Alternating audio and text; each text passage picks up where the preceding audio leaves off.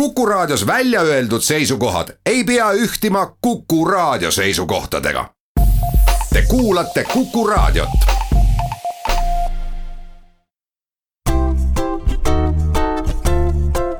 patsiendiminutid, Patsiendiminutid toob teieni Eesti Patsientide Liit.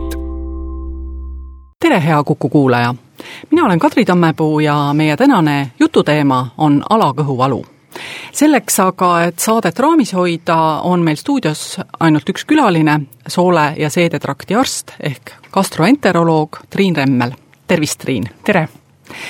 nagu paljud eriarstid, oled sina ka jaganud ennast päris mitme linna vahel, et sa tegutsed ühelt poolt Tallinnas Medicumis ja Confidos ja käid ka patsiente ravimas Kuressaare haiglas. mis sind siis Saaremaaga seob ja mis sulle taolise rändamise juures meeldib? Tegelikult Saaremaaga ei seo mind mitte miski, mu juuri ei ole Saaremaal, ei ole ka Hiiumaal. Ja, ja Kuressaare oli mõnes mõttes nagu selline isegi juhuslik ja väga hea valik, kuna nimelt ma muutsin oma elukorraldust natukene aasta tagasi. Ja, ja siis mul jäi aega üle ja olles siis läbirääkimistes Märt Kõlli ja Edward Laanega, tundus, et meie kõik need prioriteedid nagu ühtivad. ja seetõttu ma kord kuus ühel nädalavahetusel abistangi Kuressaare haiglat no see on igal juhul väga tänuväärne ja ma usun, et saarlased on rõõmsad, et tunnustatud spetsialist seal käib, aga kui tihti sinu juurde sellised patsiendid satuvad, siis noh, vahet ei ole, kas Saaremaal või Tallinnas, kes ütlevad, et tulevad ja ütlevad, kõht valutab, valu on just alakõhus ja ära ei lähe see on üsna sage gastroenteroloogi igapäevases praktikas. nimelt neljateistkümnel kuni kahekümnel protsendil inimestest on sooleäritussündroom kui selline ja sooleäritussündroomi diagnostika on selline suhteliselt keeruline ja aeganõudev ja väga palju muidugi see diagnostikavahendite valik oleneb ka patsiendi konkreetsest noh, vanusest. ja enamus nendest patsientidest üldse ei pöördugi arsti juurde, vaid aitab kas naabrinaine või apteeker, kes soovitab mingit käsimüügiravimit kui sa nüüd kuulad oma patsiente, kuidas see ring neil tavaliselt siis peale hakkab, et kas see esimene, kelle juurde maandutakse, on soole- ja seedetrakti arst või siis minnakse ennem naised günekoloogi juurde või hoopiski neuroloogi juurde? ei no esimene lüli on tõenäoliselt ikkagi perearst ja perearst saab ka väga palju, saab ära teha nende patsientide haiguse diagnoosimisel ja ravis.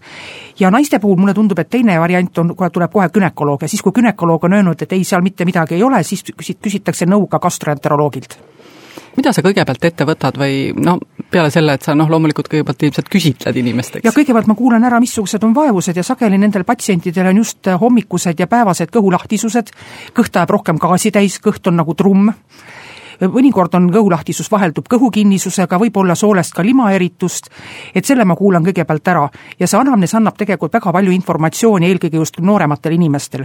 kui vanemal patsiendil tekivad sellised vaevused, siis peab alati suhtuma sellesse ettevaatlikult, et viimaks on tegemist soole kasvajaga. ja mida alati me teeme, gastroenteroloogid, me välistame piimasuhkru ehk laktoositalumatuse vereanalüüsi alusel, välistame teraviljavalgu talumatuse ehk tsöliaakia ja kindlasti on omal kohal ka peitvere analüüs välja heites kui palju selliseid patsiente on, kes tulevad ja ütlevad, et noh, mul ilmselt on äh, piimasuhkru talumatus või mul on tsöliaakia, aga tegelikult äh, noh, neile tundub, et neil lihtsalt on see haigus, aga nad ei ole seda kontrollinud? no piimasuhkru talumatus on üsna sage populatsioonis, Eesti populatsioonis on kakskümmend kuni kakskümmend viis protsenti. tsöliaakia ma ütleks, et Eestis nagu äh, selline probleem pole ja see on periooditi ikkagi olnud ka selline moehaiguse moodi, sest kõik hakkas ju sellest Oprahist pihta, kes teatas, et temal on gluteeni talumatus ja siis kogu Ameerika hakkas gluteeni vältima vältima. Eestis tundub, et see lainetus on hakanud nagu natukene üle minema, et, et võib-olla kuskil viis aastat tagasi olid praktiliselt kõik laktoosi ja, ja gluteenivabal dieedil. nii et äh, nüüd ikkagi nagu pirukad jälle maitsevad ja piima tahaks ka juua? jah, aga kas nüüd piima saavad kõik inimesed juua, see on omaette küsimus. no nii on üks asi, mida tahaks ära klaarida, on see, et osad arstid räägivad alakõhuvalust ja teised räägivad vaagnavalust, et äh, kas need on sünonüümid või on neil mingi erinevus ka? põhimõtteliselt need on sünonüümid, see oleneb tõenäoliselt äh, spetsialiteedist, äh, kes kasutab missugust terminoloogiat. gastroenteroloogid kasutavad alakõhuvalu, aga ma arvan, et gümnakoloogid võib-olla rohkem vaagnavalu selge, aga tegelikult valu on valu ja inimest ta piinab kui äh, tihti juhtub nüüd nii, et äh, sa uurid inimest, aga, aga tuleb välja, et äh, tal ei ole ikkagi soolestikus mingeid probleeme, soolestikuga on kõik korras, aga kõht ikkagi valutab. no mis sa siis sellele patsiendile soovitad, kas sa üldse soovitad? Ei, soovitusi on kindlasti on, esiteks tuleb vaadata oma toidumenüü üle, sest miks tekib sooleäritussündroom, seal on väga mitmed põhjused. üks asi on see, et noh, et inimese sooletundlikkus on suurem, kui ta olema peab. ja see võib olla tingitud väga mitmetest asjadest. üks variant on see, et äh, viimaks on tal mõne toiduaine suhtes talumatus, aga seda kahjuks ei näita mitte ükski vereanalüüs, no välja arvatud see hüpolaktaasia ja gluteeni talumatuse test teine asi on see, et võib-olla inimese soole mikrofloora on natuke paigast ära. nõndanimetatud halvad mikroobid on ülekaalus võrreldes heade mikroobidega ja, ja samas kolmas selline oluline põhjus on ka kindlasti see, et kui inimesel on stressi rohkem, siis ajus on närvirakud, seedetraktis on närvirakud. stressis patsient kindlasti valutab ka kõhtu rohkem.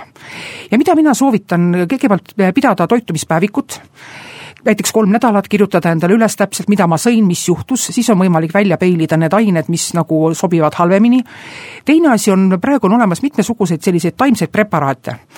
Taimsed preparaadid, kus on eelkõige sees piparmünt, mis teeb seedetrakti rahulikumaks, kõik apteekrid oskavad neid kindlasti soovitada, ja kui on, kui on näiteks kõhulahtisusega sooleäritussündroom, siis kui on kuhugi minek, siis tuleb ikkagi võtta kõhukinnistid sisse, et, et nii see on. sest kahjuks sellist imepilli ei ole olemas sooleäritussündroomi puhul, sest need tekkemehhanismid on lihtsalt niivõrd noh, erinevad. ja mõnikord aitab ka tegelikult väikses annuses antidepressant, kui eelkõige see on stressifoonil nojah, igalühel vist tuleb ette selliseid sündmusi, kus mõni tähtis hetk on saabumas ja siis on vaja kindlasti ruttu enne tualetis käia, et et see vist on üpris tavapärane, aga need juhtumid lähevad tavaliselt mööda. Jah, see klassikaline näide on näiteks tudengieksami-eelne kõhulahtisus. Ja reeglina läheb ta mööda, aga, aga üldiselt äh, sooleärritussündroom on oma olemuselt kroonilise kuluga haigus. et kuskil viiekümnel protsendil ta läheb mingi aja jooksul paremaks, aga kõige tähtsam on see, et nüüd patsient saaks seda aru, et tegemist pole eluohtliku haigusega, ta võib küll elukvaliteeti oluliselt muuta, aga eluohtlik ta pole ja selle, sellest mingisugust kasvajalist protsessi välja ei teki mis sa nendele ütled, äh, noh just noortele, kes tulevad, ütlevad, no mul kõht nii õudselt koriseb, mul on täitsa piinlik, ma ei saa käia teatris, ma ei saa minna kohtama, kas äh, see on ka kuidagimoodi natukene leevendatav mingisuguste preparaatidega? ega, ega ta hästi ei ole leevendatav, aga põhimõtteliselt võib ka piparmündi baasil olevaid selliseid preparaate võib proovida. sest miks see kõhukorin tekib, tekib sellepärast, et soolestikus liigub vedelik ja liigub õhk ja, ja paratamatult me rääkides, süües, meil satub makku, satub õhku. kuskilt peab see õhk välja tulema, kas ta tuleb siis röhatiste teel või ta tuleb soolegaaside ja suure korinaga. Ja iga, iga inimese sooletundlikkus on ka erinev, et mõni paneb seda tähele, teine ei pane seda üldse tähele. Ja me, ma pole ka sajaprotsendiliselt kindel, kas need kõrvalolijad seda tähele panevad, et kõige rohkem on ta häiriv vast just sellele konkreetsele inimesele kui me räägime veel sellest sooleärritussündroomist, kas võib siis öelda, et see on selline suurlinnade noorte haigus, esineb nende seas, kellel on palju aega ja, ja natukene võib-olla ka ärevust rohkem? Mina arvan, et ta on kindlasti tsivilisatsiooni haigus, sest millegipärast ma arvan, et Aafrikas kuskil savannis mustanahalisel seda sooleäritussündroomi pole, pigem on tal võib-olla mingi infektsioosne kõhulahtisus. ja eks stressi meil on kõigil ja stressi talumise lävi on erinev ning eks siis seedetrakt ka reageerib sellele erinevalt no nii ta on, aga meie teeme siinkohal väikese pausi, peatselt oleme tagasi ja räägime siis kõhuvaludest edasi. patsiendiminutid. patsiendiminutid toob teieni Eesti Patsientide Liit. Stuudios on doktor Triin Remmel ja Kadri Tammepuu. me räägime täna alakõhuvaludest ja esimeses saate osas rääkisime pikalt sellest, milline see sagedasem gastroenteroloogi poolt avastatav probleem ehk sooleärritussündroom on. aga siiski mõnikord äh, võib ju juhtuda ka nii, et äh, uurid-uurid patsienti, aga tegelikult ei leia tal midagi, aga samas tal kõht valutab. mis siis selle patsiendiga edasi saab? Jah, põhimõtteliselt ongi niimoodi, et näiteks sooleäritussündroomi puhul ongi kõik uuringute vastused on positiivsed selles suhtes, nad on head vastused, aga no vaevused on olemas. ja siis tulebki patsiendiga lihtsalt nõu pidada, missugused on tema ootused, lootused ja kindlasti vaadata oma toidumenüü üle teine asi muidugi on see, et, et võib-olla mõnikord vajab ka mõne teise kõrvalspetsialisti abi, näiteks ütleme siin ka neuroloogi, günekoloogi abi, ja, ja mõnikord on ka vaagna veenide laiendid olemas, et võib-olla siis hoopis vasoloog saab aidata kumba pidi see siis käib, kui sa selliseid ettepanekuid patsiendile teed, kas sa soovitad minna kõigepealt äh, perearsti juurde, võtta sealt saatekiri või sa näiteks ka kirjutad ise saatekirja välja? kui on selline probleemne patsient, eks ma kirjutan ikka ise saatekirja valmis, et, et miks ma pean teda perearsti juurde jooksutama edasi-tagasi? no kõik arstid kahjuks äh, nii tublid ja terased ei ole, et mõned ikkagi ütlevad, et äh, mine perearsti juurde ja alusta ringiga otsast peale, aga seda on hea kuulda. kuidas perearstidega üldse koostöö sujub gastroenteroloogidel, et ähm, on üks niisugune uus vahend nagu e-konsultatsioon, kui hästi teil see omavahel välja tuleb? mina olen e-konsultatsioone teinud, ma arvan, juba kas neli või viis aastat ja minule väga see süsteem meeldib. sellepärast, et see on põhimõtteliselt eriarst, perearst küsib nõu teiselt eriarstilt, näiteks gastroenteroloogilt. seda patsienti mina ei näe esialgu ja kui on väga konkreetselt tehtud ja ilusti tehtud selline saatekiri, siis ma selle alusel suudan juba väga palju ära otsustada. ja neid otsuseid ongi põhimõtteliselt mitu, et üks otsus on see, et, et ma annan lihtsalt perearstile nõu, et mis uuringuid ta peaks veel näiteks tegema või ütleme, mis analüüse ta peaks veel tegema ja missugust ravi ta võiks proovida. Ja, ja kui on vajadus, siis ta võib uuesti selle e-konsultatsiooni teha. Ja teine variant on see, kui on näha, et noh, et, et perearsti neid rahasid ei jätku nendeks suuremateks uuringuteks, siis eriarst võtab selle, võtab selle ravi üle ja uurib seda enda Haigekassa lepingu raames. Just tihti on tõesti see, kus perearst ütleb, et oi, et mul on rahad selleks poolaastaks või selleks aastaks otsas, et äh, siis ilmselt äh, eriarstid tulevad appi jah, tulevad appi, aga, aga ma, ma võin natukene ka mainida seda, et noh, kuna ma võtan erinevates kohtades vastu, siis minul on alati jäänud üllatuseks see, et kuidas Saaremaa perearstidel neid uuringurahasid nii palju on, sest nii hästi uuritud haigeid kui Saaremaal pole mina mitte kuskil näinud mujal. Igal juhul põnev kui me nüüd tuleme tagasi äh, selle sinu spetsialiteedi juurde, siis ähm, kuidas patsiendid äh, tavapäraselt oma väljaheite kirjeldamisega toime tulevad, et kas nad oskavad kirjeldada, et kas kõht on lahti või kõht on väga lahti või kuidas see käib? jah, see on kõik suhteline, sellepärast et ka kõhulahtisust võib ju erinevalt defineerida. sest põhimõtteliselt on see number kolm, mis on oluline, kõhulahtisus on see, kui kõht käib läbi rohkem kui kolm korda ööpäevas ja, ja see on siis ütleme noh, vedel, aga ega iga inimese jaoks on see kõhulahtisus jälle erinev selline noh, termin. minu kõige ekstreemsem juhtum on olnud isegi see, kus mul üks patsient piltide peal esitas oma väljaheited nädalate kaupa. ja mis tulemusele te jõudsite, et kas ta oskas seda ka kirjeldada nii, nagu sina sellest aru said või, või te üldse ei, seda sellele, sellesse ta ei laskunud. selge, aga kui on ikkagi selge, et tegu võib olla mingite soolehaigustega, siis sõltub sellest, kui vana patsient on, et et millised on siis need nooremate patsientide raskemad haigused veel? nooremate patsientide raskemad haigused on kindlasti põletikuline soolehaigus, mille alla kuulub haavandiline koliit ja kroonitõbi ja selle algses diagnostikas on ka oluline peitvere määramine ning kallprotektiin, mis on üks põletikumarker, mida määratakse väljaheites. ja lõpliku diagnoosi pannakse siiski koloskoopial, ehk siis tähendab sooleendoskoopilisel uuringul vanematel on ka muidugi võib-olla kroonitõbe ja haavandilist koliiti, kuid samas äh, ikkagi ka kasvajate esinemissagedus on olulise sellise tõusu tendentsiga, eriti just soolevähi oma. Ja siinjuures ma väga paluks, kui on, tuleb teil näiteks sõeluuringule kutse, et anda see peitveretest et ikkagi sellesse asjasse suhtuks nagu tõsiselt ja see test ära ka teha, sellepärast et see aitab ikkagi varakult avastada sooles nii polüüpe kui ka pahaloomulisi kasvajaid. no mis vahe on polüübil ja pahaloomulisel kasvajal? no polüüp on healoomuline muutus, kuigi aja jooksul teatud polüüpidest võivad ka pahaloomulised tekkida. aga äh, ongi niimoodi, et kui koloskoopial leitakse näiteks polüübid, siis nad alati eemaldatakse. ja see tähendab seda, et noh, et need riskid, et sealt tekiks midagi noh, halba, on oluliselt väiksemad inimesed ähm, mõnikord kardavad seda koloskoopiat, et, ähm, et äh, noh, see on valus ja see on ebamugav, kuidas sa julgustad neid patsiente, kes äh, just sellepärast näiteks ei tule ka sõeluuringule?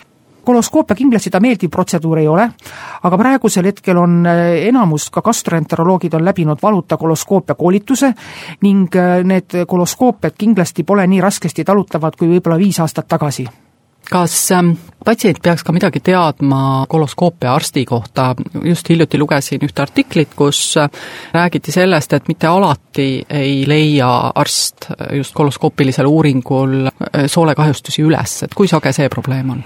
Äh, ma arvan, et see ei ole sage ja praegusel hetkel oluliseks loetakse ka seda, et kui kaua arst toob välja no koloskoopi soolest. ja see peab olema kindlasti rohkem kui kuus minutit. et sellisel juhul saab ta adekvaatselt soolt hinnata, et see ei ole mingisugune võistlussport, et kes saab nüüd kolme minutiga koloskoopi koloskoopia tehtud, kes saab viie minutiga, sest no suure kasvaja selline mahamagamine on väga vähe tõenäoline, aga väikseid polüüpe küll võib niimoodi, kui väga kiir-, kiirustades seda protseduuri teha. Tuleme korra tagasi veel selle kroonitõve ja haavandilise koliidi juurde, et vanasti oli see ju päris paljudele ikkagi tõsine ja isegi õudne haigus ja mõned inimesed surid ka, et kuidas täna need inimesed elavad ja, ja milline see ravi täna on, et kui palju see edasi on arenenud? Tänapäeval ma arvan, et kroonitõve ja haavandilise koliidi just eelkõige bioloogiline ravi, see on kõige suurem selline arengutrend, trend üldse gastroenteroloogias. et uusi molekule aina tuleb turule, mis on palju efektiivsemad ja kui on ikka väga rasked juhud, siis sellisel juhul bioloogilistest ravimitest võib väga palju kasu olla. see muidugi ei välista seda, et, et mõningatel juhtudel on ikkagi vaja ka kirurgi abistavat kätt üks huvitav äh, raviprotseduur on ka fekaalsiirdamine, et kui palju Eestis sellega tegeletakse? Ka mina olen paar sellist fekaaltransplantatsiooni teinud, ma ei ütleks, et see on massiline, siiski suhteliselt noh, harv. ja eelkõige seda fekaaltransplantatsiooni hakati kasutama justkui oli selline infektsioon nagu Clostridiumi infektsioon. ja hiljem prooviti seda ka haavandilise koliidi ja kroonitõve puhul. ja tulemused ausalt öeldes pole halvad, tulemused on päris isegi head. siin on muidugi küsimus selles, et noh, et, et kust see doonor võtta ja doonor peab olema kindlasti väga korralikult uuritud, et pärast ei saaks patsient doonori käest mingisugust nakkushaigust kes selliseks doonoriks äh, sobib, kas see peaks olema pigem sugulane või võib ta olla lihtsalt noor terve inimene? tavaliselt on ikkagi mingi perekonnaliige kas siis vend, õde või keegi teine lähi, lähisugulastest.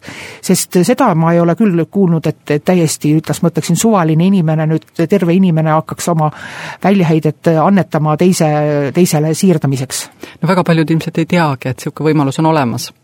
Aga ma ütlen, et see pole ka igapäevane protseduur, et see on siiski suhteliselt harva tehtav protseduur. siis, kui muu ei aita jah, aga, aga siis peaks, peaks olema ka bioloogilist ravi proovinud ja mitmeid asju, aga, aga mõned patsiendid on lihtsalt selle usku ka teine asi, mida sa nimetasid, on äh, mikrobioota uurimine äh, jämesooles, mida nüüd näiteks ka Confido pakub kui poolt sa oled sellele, et äh, kui mikrobiota on korras, bakterikooslused on sellised tervislikumad, siis võivad ka soolehaigused hoopis kergemini kulgeda? Ma olen täiesti veendunud, et mikrobiotal on oma tähendus haiguste tekkes ja mitte ainult siin ütleme, soolehaiguste tekkes, ka isegi rasvmaksa tekkes on näidatud, et noh, et nende mikrobiota on natuke teistsugune nendel haigetel, isegi minu teada on suhkruhaiguse puhul seda nagu leitud.